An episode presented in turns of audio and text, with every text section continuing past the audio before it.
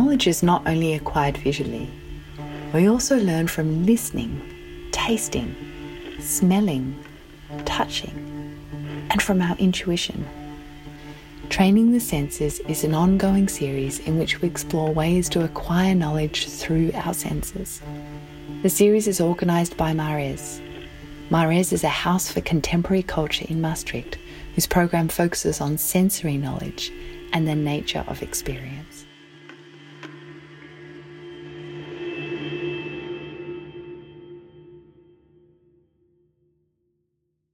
Welcome, everyone. My name is Valentijn Byvanck. I'm director of Marres, a house for contemporary art in Maastricht. In this podcast, for a series Training the Senses, I will have a conversation with Britt Hatzius and Thomas Tajo. Tonight, they will lead and present a training about echolocation. And uh, welcome. Perhaps I can begin with a round of short introductions. Thomas, can I start with you? Sure. Thank you. It's good to be here. Yeah, I'm Thomas Tajo. Like you said, I am a blind uh, researcher, activist. So mostly I work in the areas of education, training the senses, you know, and also redefining thinking about disability, diversity, and those kind of stuff. And part of my work is also to do with uh, teaching echolocation, not just to blind people, but also to sighted people. It's really about you know making people aware about what your hearing can do. So yeah, we can talk more about it. Great. I'm Britt. Uh, I'm an artist, um, and I work with various different media, including sound, film, performance. Um, and I collaborated on with Thomas on a recent project called Listening Distance, which uh, is an exploration of um, Thomas' ability to echolocate, um, but it's also um, a, I guess, immersive experience for a sighted audience or sighted and non-sighted audience, um, where you experience um, sound through binaural headphones, which is a kind of three dimensional representation of sound. Um, and that was presented in Germany and also in Brussels, uh, and is now touring and hopefully continuing to tour. And since then, I'm also currently collaborating with a dancer, blind ballet dancer in New York, um, which is also going to be probably experienced in total darkness or semi total darkness. So um, I guess I'm exploring the senses more uh, in an artistic way. Mm. And Thomas and or I I assisted Thomas in founding uh, a platform called Vision Inclusive, um, which is an organization to promote basically also echolocation training. But I think Thomas will explain better.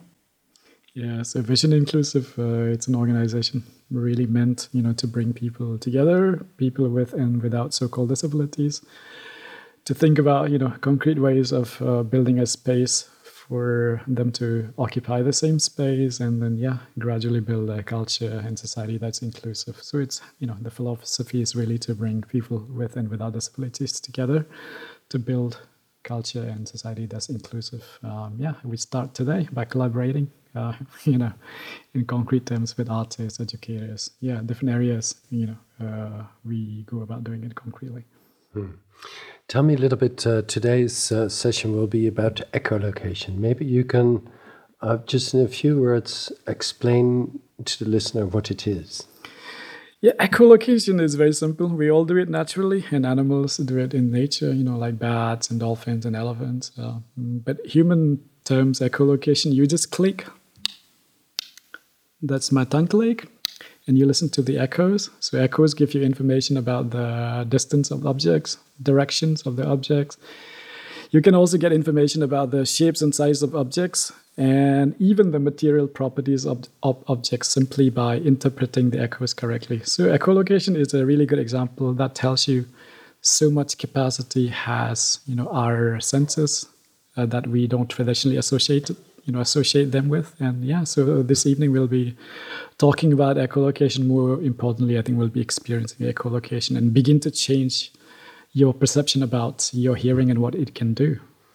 And could you uh, i mean uh, it's maybe a bit of a strange question to ask but we walked into this studio. You're sitting at a table so you already know by other senses that you're sitting on a chair and you have a microphone But are there other things in this room that through clicking you already know sort of what it is? Yeah, so when I go into a new space, I just click like that. And that already gives me inf information about the space, you know, how big it is, how small it is, the structure of the room, uh, you know, the how sparsely the room is arranged or how, you know, thickly things are put together. So when I came into this room, I just click.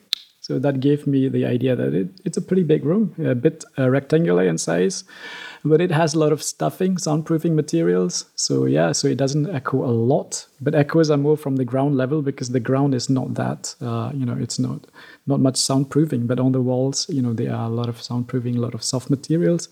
So yeah, so if you echolocate uh, echolocator, you go to a new place, you just click couple of times, you'll able to figure out a lot of things about the space around you. You can preview, you know, simply by clicking.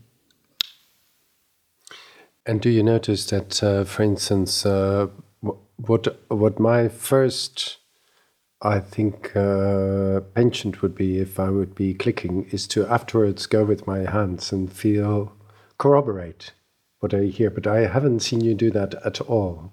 So that means that you completely trust on the clicking on the echolocation system.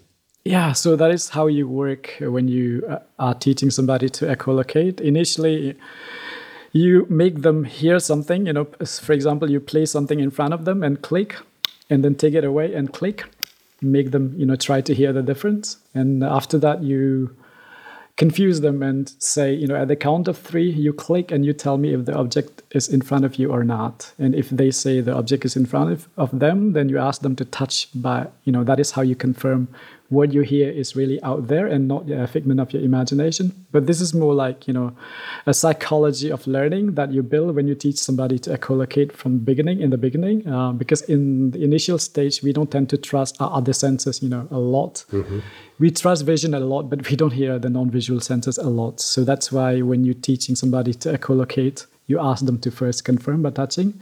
But over time, you build trust so much in your hearing. Next time when you click to something, you hear it and you already know that it is there. You don't need to touch it anymore. You, you know, you don't have to touch it to confirm anymore. Yeah, but this comes with practice. Yeah. I also like the the way you also say, Thomas, that it's something that children do automatically. So when children are born, the way they confirm the existence of the world is also by touching them, no? I mean by listening and then touching to confirm. Absolutely. So I think one of the things that people don't tend to understand how we see also, you know, uh, because we see not because you know we have functioning eyes or we see naturally. Uh, you know, we naturally see in like two dimension, right? I mean, you know, we don't see naturally in three dimension. Three dimensional seeing is a learned behavior, but how you learn to trust what you see has a lot to do with how your non-visual senses confirm what you see is out there. I mean, take for example a child, right? A baby, when he or she sees something, they move towards it and then they try to grab it. So what's happening here?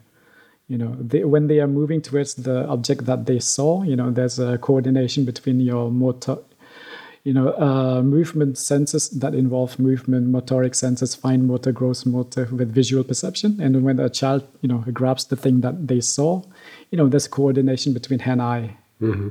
So that is how you gradually build trust in what you see. So imagine a case where, you know, a child sees something, they move towards it, and then they try to grab it. The moment the child is about to grab the thing, the thing disappears over, I mean, you know, disappears over and over again in your whole childhood. Are you going to trust what you see? The yeah. answer is pretty simple. Right. You're not going to trust what you see. So I think that's one of the things that people don't understand how much role our non-visual senses play in teaching us to see and trust what we see is really a reality, an objective reality, and not figment of our imagination. Yeah, Britt, I see you nod. Is it? Uh, I mean, you have uh, come out of a training of visual arts. I assume everything is called visual in these things, and so we assume that uh, that that kind of arts, rather than music and stuff, are visually based. So you you you're at the forefront of our belief in vision, right? So so your work with um, um, with Thomas is also a little bit about maybe questioning that. No. Mm. yeah, it's funny. I don't actually introduce myself as a visual artist anymore, even though my education was in visual arts. Um, but yeah, also because I, I definitely started doubting vision already quite a while ago.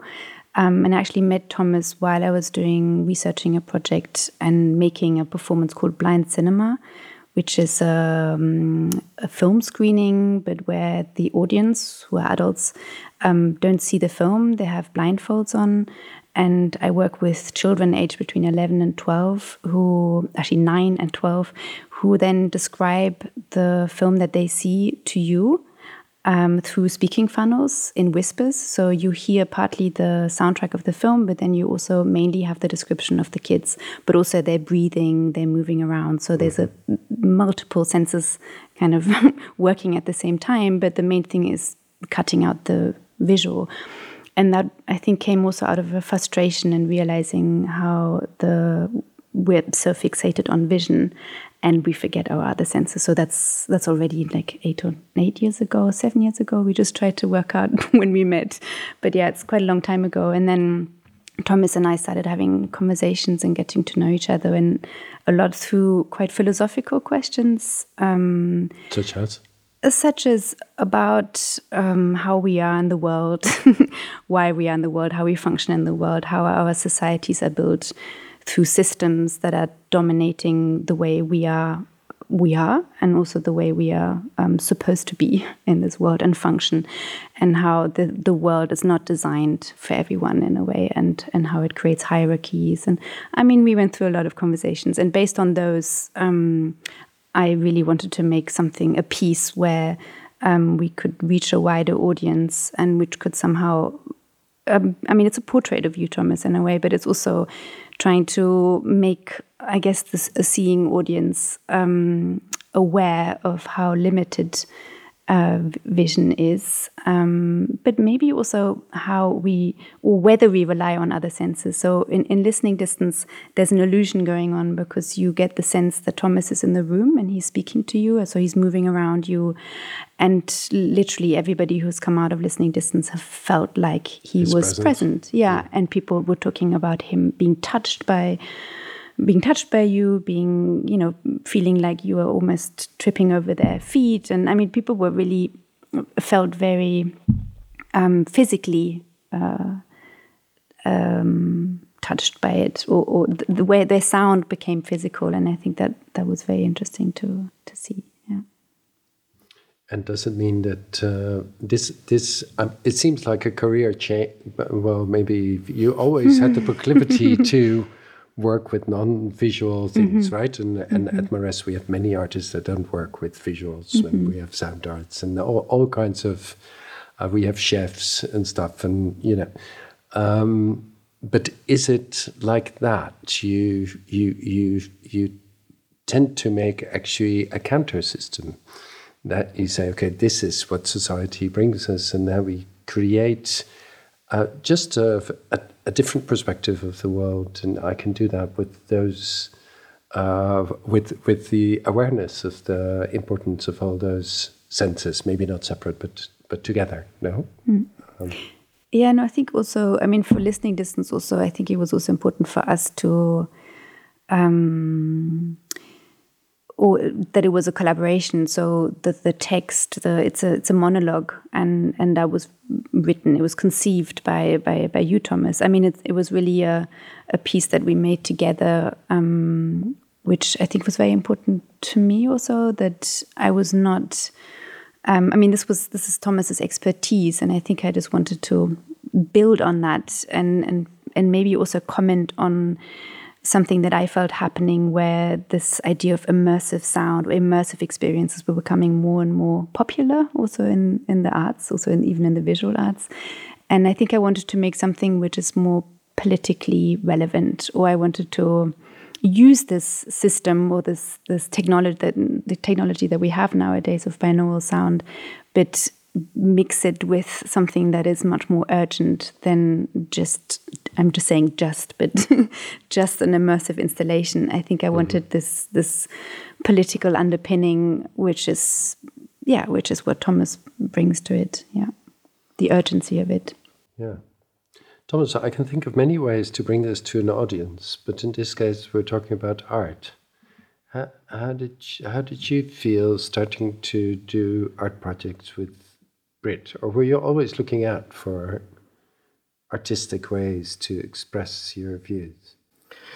Uh, for me, as a researcher, you know, because I'm not an orthodox researcher, I'm an independent researcher. I don't work in the university, but I work with the universities, you know, from outside. Uh, so for me, I always found, you know, the way of expressing my research, my ideas, you know, in the in academic, institutional, scientific setting to be very limited, you know. So that's why I always thought it's important to think about and find about find different ways to get your idea out there. You know, institutions, you know, that's one strategy. Scientific institutions, scientific ways, you know, presenting papers, giving lectures, but you also need to reach a different audience, and especially if you're talking about the senses you know senses is one of the things that you know brings everybody together we are not talking about you know blind sense sighted sense we, when we are talking about senses we are talking about senses that we all have so how you know how do we have a society that has completely become oblivious to the majority of human senses you know? Because vision is just one sense but 99% 99 point, point you know percent of human senses are non-visual. How have we come to be so ignorant about the majority of our senses? And once you begin to question from that angle you realize that you know it's a larger social cultural phenomena how we engage the senses how we interact with the senses how we harness the senses and that's why i thought you know it's important to talk about this scientifically but at the same time you also need to reach a different audience who don't think about senses in a scientific way and you know who live with senses and experience sense every day. But you know uh, artistically it's one of the really good ways artistically you can take ideas and you can bring you know people to experience uh, the ideas from academic institutional scientific setting and you know everyday space or artistic space. And you know people can experience their own body differently in these kind of performances. So i thought you know that's a really interesting way of getting knowledge translated into in, into an embodied form that people experience. And that also changes their perception about themselves. So you know at the end of the day we are talking about senses and then you know bringing the senses to experience and level you know you have to use your own senses too to experience the performance about senses mm-hmm. so yeah so i think it's a really deep or a multi-layered way of getting people to begin to interact with their own body and own senses and if I can uh, recap that a little bit, uh, artists bring an audience and they embody the ideas that otherwise you would be writing or talking to uh, to research audience too. Is there also content wise something that artists can bring that maybe other professionals cannot? Does art add a dimension, or is art a better medium than others to? So, in irrespective of the fact that they give a platform yeah i think art has its own space you know for a different way of experiencing the same idea because you can talk about the same idea you know in the you know university setting in a lecture in a conference but that's more like verbal description of you know a sensory experience. So you know verbal experience of uh, you know a gustatory sense you know like that of tasting chocolate you can't translate that in a verbal description. So artistically also same idea you know you can create in a different way for people to experience. So I think it's a very, very creative way. Sometimes, you know, idea can be more powerful when people experience it. But again, you know, how you create an experiential piece or performance. So that is where, you know, different artists, different idea, their creativity becomes very, very important to uh, translate into a form or format that people experience and you know get the best out of it. So i think yeah for me uh, then art is not just a way of you know providing a platform to get your idea out there for people to experience but uh, you know i think it does add another element. Or sometimes you know you create an artistic piece from an idea and then you take it to a different level. And then sometimes you bring different ideas together in a piece you know at the experiential level. So i think you know i'm not reducing art simply to a platform where you can get your idea heard. So but i think art and artists, their creativity, I think they have plenty to offer to add to, you know, the ideas that you develop initially. So yeah. But do you, do you feel this also as a task of translation? Yeah, I mean, I really like the the word, the thought of translating, because I think there's a lot of translating work within art for sure, within artistic practices. Um, but it's also a, I guess there's a privilege to artistic practice or art that is not bound to any um, fixed uh, knowledge systems, fixed anything in a way. And I think that privilege can be used to subvert, but also question, and maybe also bring something unexpected in it. Um, but I do, I'm very, uh, I, I, strongly believe also that art needs the weight of of knowledge and people in there. Like, I mean, I, I studied sociology also, and I think that's also where my um, my uh, desire to give weight to art comes from. So that's why I also really enjoy working with Thomas because I think they, you know, the, the different fields feed each other. So I think that's why I'm, I'm interested in these collaborations. The same with uh, now this this ballet dancer. I mean, she's a she's an artist also, but I think she also has this bigger political, social political understanding, which is where we connect also, um, which is more than art, art, more than artistic practice. And this political understanding is? Is to do with, uh, I mean, inclusion in a very wider sense, but mm-hmm. also how, and privilege also, that, um, you know, certain people are more privileged to live in this world than others. And uh, in terms of sight or senses, um, we're definitely, you know, as sighted people, we are privileged in the sense that everything is made for our, for us. um, so my my question then comes exactly: the urgency is not for others to fit into our system, but it's for us to open up our ways of seeing, our ways of experiencing the world in order to in, include others. So for me, it's also it's the other way around. I'm the one who needs to be challenged to expand my senses um, to be able to, you know, uh, make create a society that is more multisensory when we're talking about the senses. And that's why i was also interested in your program. Just generally i think in any way it's important to, to do that. Um, and i guess art because of the experiential side of it there is much more potential to do so.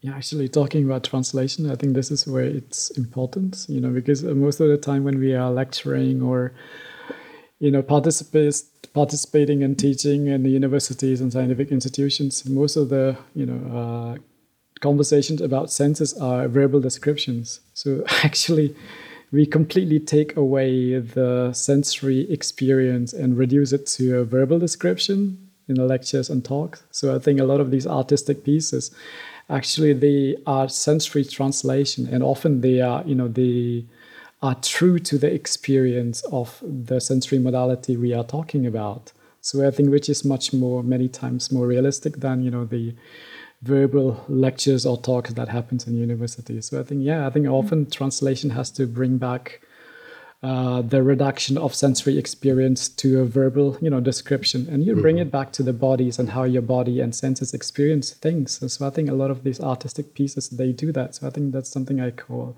mm. you know, sensory translation. I think that's very very important. Otherwise, we tend to colonize, you know, the sensory experiences and reduce it into a non sensory experience or you know sensory experience that is limited to uh, hearing or you know what you see in the written you know descriptions so yeah i think it's important to bring the senses and sensory experiences back to the senses but we also talk a lot about uh, we also talk a lot about vocabulary. So it's interesting how you know around vision our vocabulary is very extensive.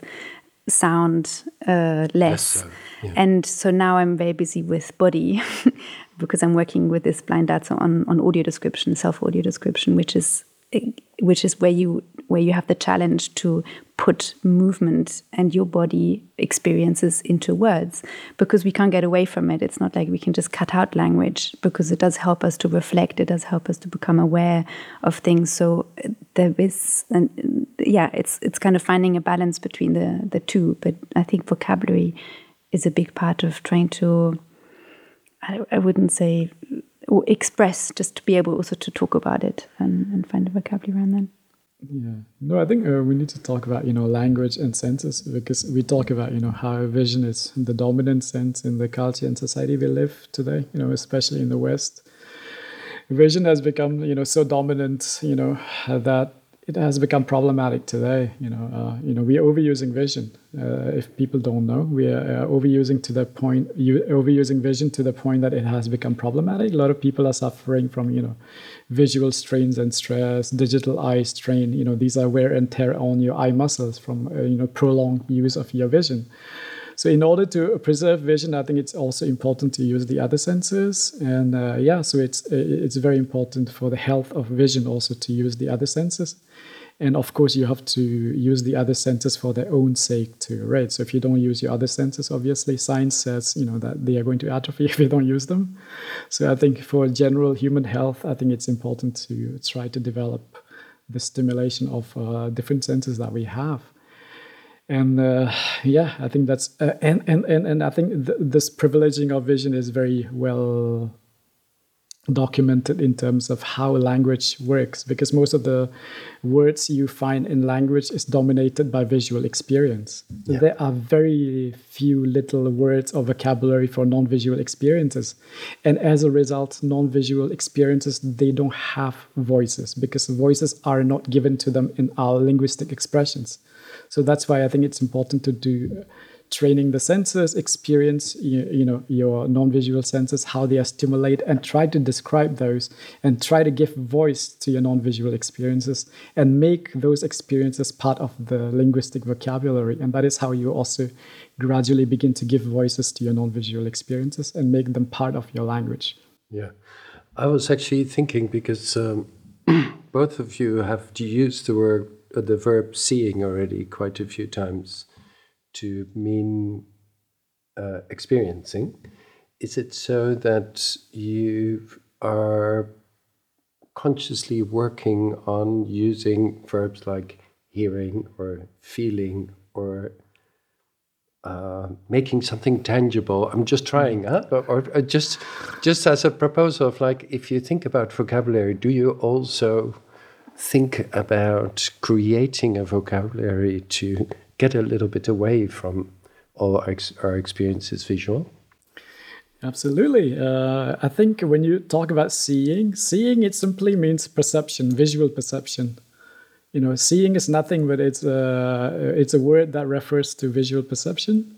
So in, in a way, you can replace you know seeing with uh, perception. You know, non-visual perception, auditory perception, visual perception, and when uh, seeing is a term that is used to refer to perception of vision, so you can also use uh, seeing as a word for you know a synonym for perception. So you can also say you know you see with your ears, you see with your skin, with your touch. Mm-hmm. Uh, so, so, for example, for me as a blind person, and a lot of blind pe- people who you know uh, echolocate, when you put them in brain scan, actually. Uh, blind people when they echolocate for a long time in the brain scans you know you get to see that when they echolocate on the brain scan, blind people recruit the visual cortex. Yeah. They use visual cortex to put, you know, uh, to process acoustic information. So you know, you technically see with sound. So I think that is where you begin to see that the, the, terms like seeing, it's you know, it's very plastic. It doesn't have to be fixed to visual perception. It can be changed to refer to different sensory perceptions as well. I understand, but uh, maybe also do you use the other uh, verbs for the other senses to actually describe your experiences more? If you say we have to work on our vocabulary, is it are you trying to push back a little bit the dominance of visual terminology in the discourse? Um, sometimes yes, but sometimes no. I think I think the question is both yes and no.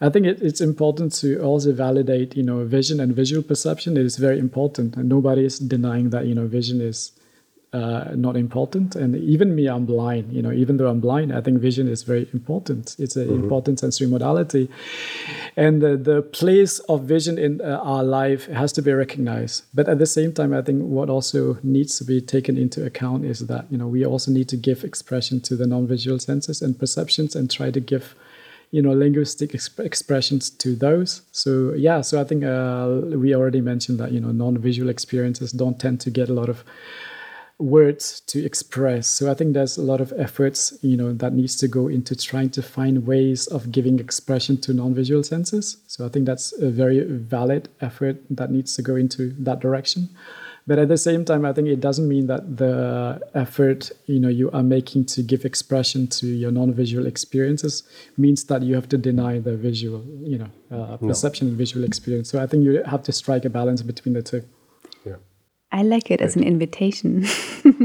I mean, I, I really like your invitation that we should be doing that more. I mean, more consciously, and and I see that for me very much connected to practice. It's the same as you know coming here with this workshop for two hours, like you said earlier, it's actually something that we need to build into our everyday lives. Otherwise, it remains these small little projects in a way. And I think that's something that has to do with awareness. I think I'm be definitely becoming more aware of it, especially now to do with the body, um, because I, I myself have had a very small vocabulary. I'm realizing now, and now that I'm learning more with this uh, ballet dance, um, and how she describes herself and how she describes her um, physical sensations.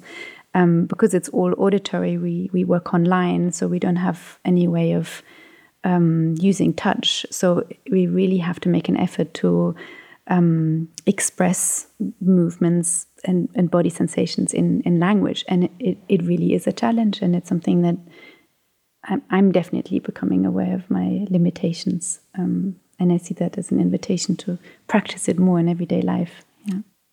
Could you tell me a little bit what you have gained since you met Thomas? So, working on in this field, where did you? I mean, the general awareness is clear, but where do you have small examples of where you think, ah, but I really experience this dif- different now, mm. or I notice things that I didn't do before. Yeah, uh, there's loads of things. Yeah, I've learned a lot through Thomas, through spending time with Thomas. Yeah, I don't even know where to start. just, uh, maybe a small a one. Yeah. Um, I mean, maybe that I don't turn, turn on the light very often. So when I go to the bathroom at night, I don't turn on the light. I, I totally find my way. Um, I don't see that as a difficulty anymore, and it's really just I mean, everybody can do that. It's just that I think we're just so used to turning on lights everywhere. That's a simple thing. Or also my hearing for sure. I mean, I'm at the echolocation. I'm also, I guess, training myself, not very consistently, but I've definitely become better. I, I think my hearing has become better.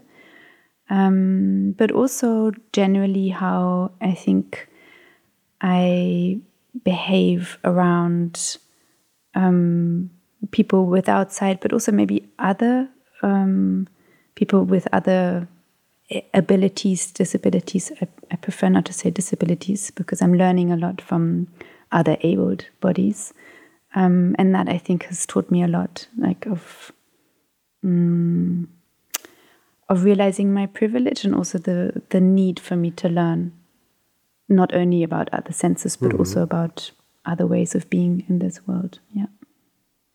We often recognize, I think, that if people have one of their senses not working to their full capacity, that in fact their other senses so much compensate for it that they make us think, why don't I ever feel all these things? What? so actually, that they're more sensory beings than if you have all your senses supposedly working well. No, I mean, is this an experience you have as well, Thomas? Yeah, I think uh, sensory compensation it's there. It's a possibility and it's a reality also. But the problem is that you know if you live in a world that is pretty much dominated by vision, oftentimes you are forced to see even if you cannot see. You know, yeah. the discourse is trying to give you, you know, support to in different ways to force you to see. So as a result, we tend to focus so much on trying to give you sight, you know, give you sight back or find ways for you to see. Uh, you know, as a result, the non-visual strategies, non-visual, you know, uh, use of non-visual senses and harnessing them, you know, they are downplayed. Actually, they are under harnessed, underused. So I think you know there's a possibility that you know we, when you don't have one sense or two senses, not working, you can begin to build your other senses and you know get the best out of it. But at the moment, we don't have a culture that allows you to do that. You know, uh, firstly, culture does not have a knowledge of how to really train your other senses properly. Even scientifically, we are still lacking behind in terms of how many senses we have. I think most people don't know today that we have more than five senses. And even among the five senses, you know, we already talked about how vision is so dominant. Yeah. So, you know, so I think, yeah, there's a possibility that, you know, when you lose one or two senses, you have the possibility to compensate and develop the other senses. But our culture, unfortunately, does not know or does not actively encourage people to do that. And this is where the politics of the senses becomes important. And that's why, you know, our work becomes important. We want to build a culture where people know that we have plenty of senses and we need to give people the opportunity, the chance to develop the use of different senses. We should not be forcing people to see through one sensory modality that is vision by ignoring the majority of mm. senses. You know, so I think that's the ironic thing about the sensory culture that we have today, you know, is that we have so many senses, but we have reduced our perception of the world largely to one or two sensory modalities. Mm-hmm. So this is very ironic. Could you um, maybe name, just for the listeners to to hear some of it, some of the other senses that they may not immediately think of? Sure. So we can start with the traditional five senses. You know, hearing, smell, touch, taste, sight you know so these are like five senses that we traditionally know and by the way you know the idea that human beings have five senses was developed over 2000 years ago by aristotle and today it's not scientifically valid anymore so neurological classification will recognize at least you know human beings to have like 21 senses, but there are other scientific disciplines like ecopsychology which tells you that we have more than ready for this 50 senses. So, so imagine, try to digest that. But I'll give you some examples of uh, senses that you use every day and which you might not even think of them as senses. You know, so we already have the five senses I mentioned earlier. There are a couple of other senses you might not think of them as senses, but they are because they have their sensory receptors in the brain at areas of the brain uh, dealing with you know the perception. For example, one sense is thirst. Thirst is a sense, and there are areas of the brain and there are sensory receptors for that. And hunger is also a sense. So people don't know that. So we are already up to seven senses. And there's another sense called vestibular sense, you know, that is the sense that allows you to maintain your balance and sense gravity. So it's about sensing the physics, vestibular sense. And there's another sense that you use every day, you know, that allows you to feel your organs in relation to each other and your position in space. The sense is called proprioceptive sense. So there are a lot of senses that we have which we are using every day, which we are not even aware. Um, you know, I mean that's so ironic about us, right? These are all our senses that we use every day that we have, but we don't even know that we have those. How ignorant are we about our own bodies and our own capacities? Do do you think that this question is actually to both of you, but I'll first ask it to um, I I always have the idea, but maybe it's entirely wrong, that uh, humans are always strongly motivated to isolate one thing from the rest and think that is most important. So you would you would almost think that if it's not going to be vision, then the auditive is going to be the most important thing. Do you do you recognize by yourself it's very difficult to get like an integral sensory perspective on mm. things because we know that all these senses work together, right? Mm. When and and one thing is nothing if it is not working simultaneously with something else. No. Mm. Yeah, I mean it's a very Western approach in the sense it's from this division of uh, knowledge, and uh, in order to know, you create categories, which of course are very useful also, but maybe in in this way of the way our senses work or the way we experience the world, which is multiple and very complex, um, that is very difficult over the head. So logically to put them together, I think um, if you like for example if you meditate i mean there are practices there are bodily practices that perceive everything at once but as soon as the thinking mind is activated there's a tendency to want to understand it and take it apart and, and understand or only being able to concentrate on one thing at a time, just because otherwise it becomes too complex. Um, and yeah, it, um, but yeah, it's interesting because on the other hand, it's also about um, it is about knowledge. It is about um, understanding, for example, our body parts, knowing where everything is in the body, uh, knowing how we hear, knowing how acoustics work, how physics works. Um, but then the coming together is the experience of it, and and that is maybe it's just that we're a little bit overwhelmed with trying to hold everything in in the same place.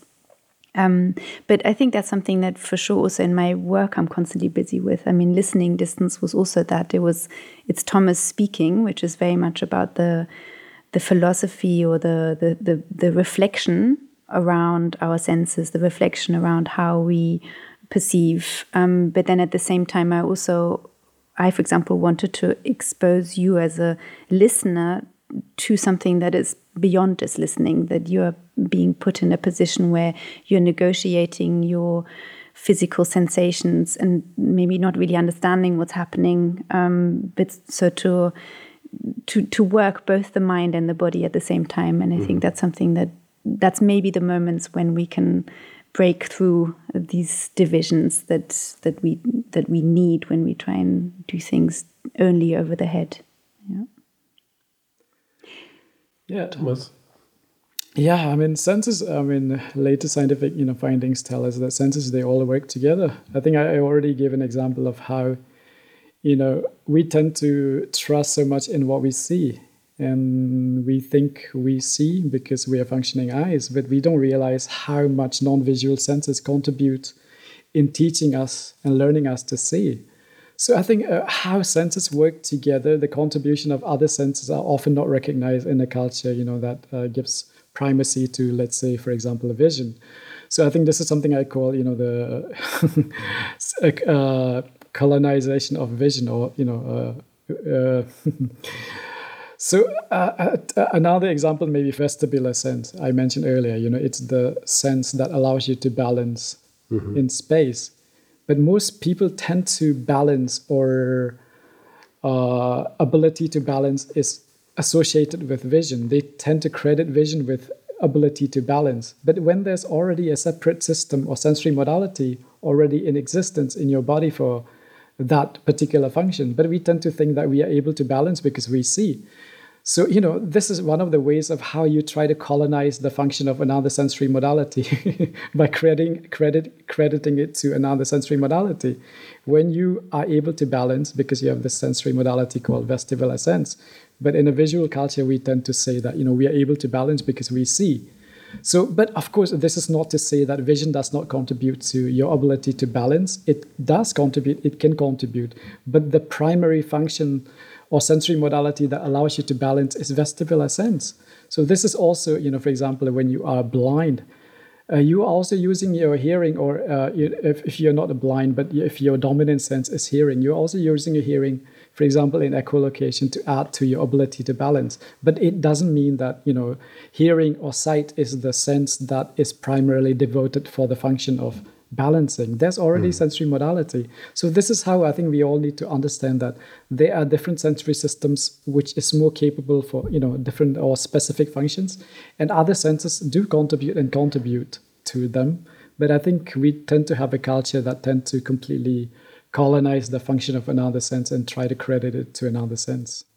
Now, if if um, it's maybe a weird thought, but um, we we we have a system of finding your way auditively, but uh, is is that a logical development, or could it also have been an olfactory location model? I mean, it, would would it have been uh, just as believable that we would have developed it from one of the other senses? Yeah, yeah. So I think uh, so. I think we really have to question, you know, the sensory systems and how they work so I mean, all olfactory system uh, has a you know huge potential. Take for example, right? To see, they are like three DNAs, right? RGB, uh, red, green, blue. They're three DNAs for seeing, and in combination, different you know combination and permutations, you will be able to see 10,000, uh, 10 million shades of colors with these three DNA. But when it comes to olfactory system, you know, do you know how many DNA we have for smelling? A lot. Over 400. Yeah. Can you imagine the amount of information we can gather, different shades of you know information about the world around you that we can acquire through sense of smell? So I mean, the potential is huge. It's just that different sensory modalities and what they can uh, contribute to how we perceive ourselves and the world around us at the moment remain under examined. Yeah. So I think this is where it's important to talk about the training the senses. How can we begin to understand our other senses more? Can we harness and develop, you know, uh, these senses to unfold the potential that they have? So I think uh, the conversation for me now it's not really about can we replace, you know, one sensory modality with another. It's really about can we explore different senses that we have? Can we begin to give expression to their capacities? And then I think once we have that kind of a culture or society where we have you know adequate space for all the senses to you know be expressed or given chance to uh, be developed then i think we can begin to talk about how can we you know mix uh, senses and how can replace uh, one sensory modality with another but at this stage i think you know we are very very um, basic in terms of our understanding about how the other non-visual senses work, we are still scratching the surface.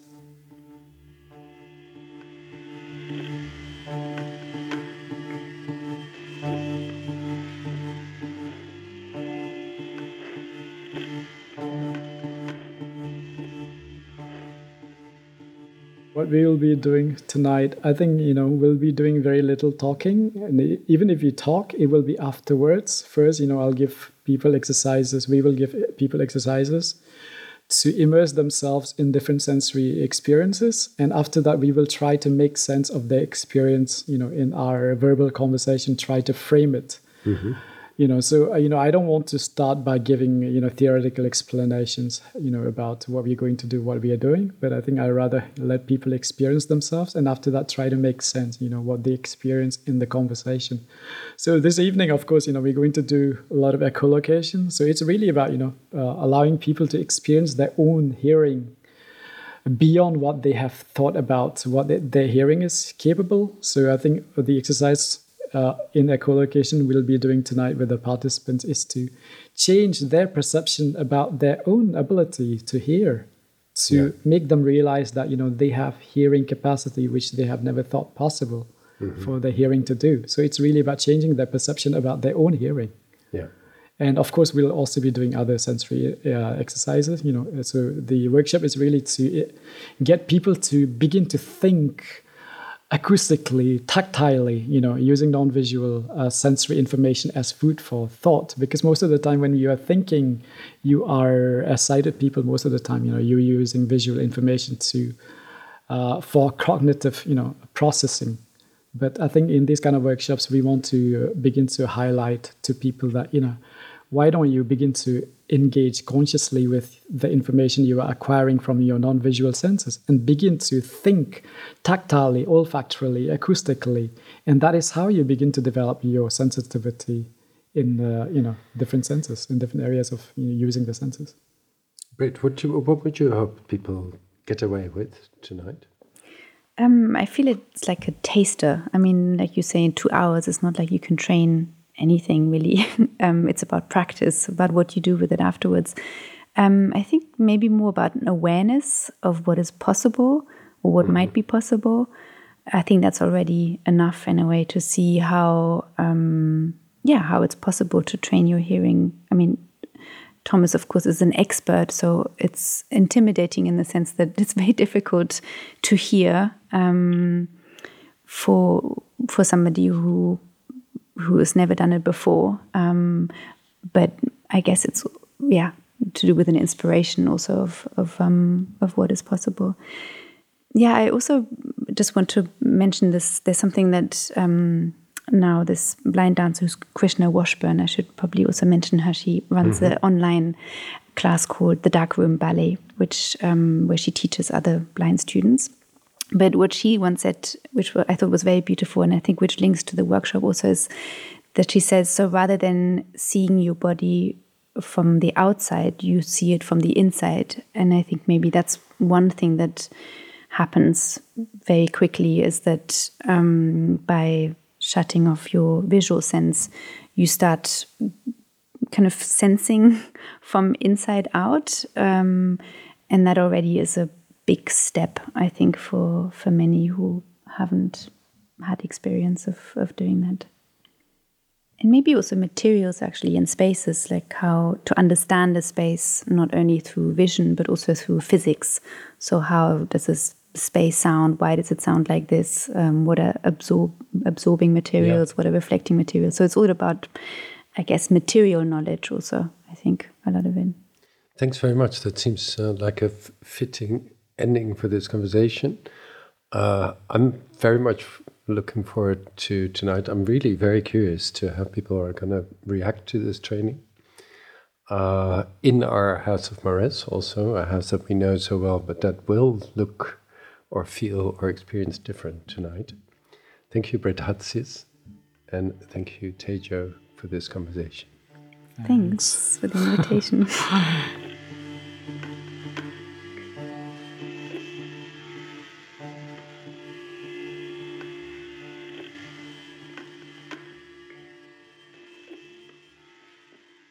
You have been listening to the Marres podcast. If you know someone who is interested, feel free to share. If you wish to know more about Marres and our Training the Senses series, please visit marres.org. My name is Valentijn. Thank you for listening.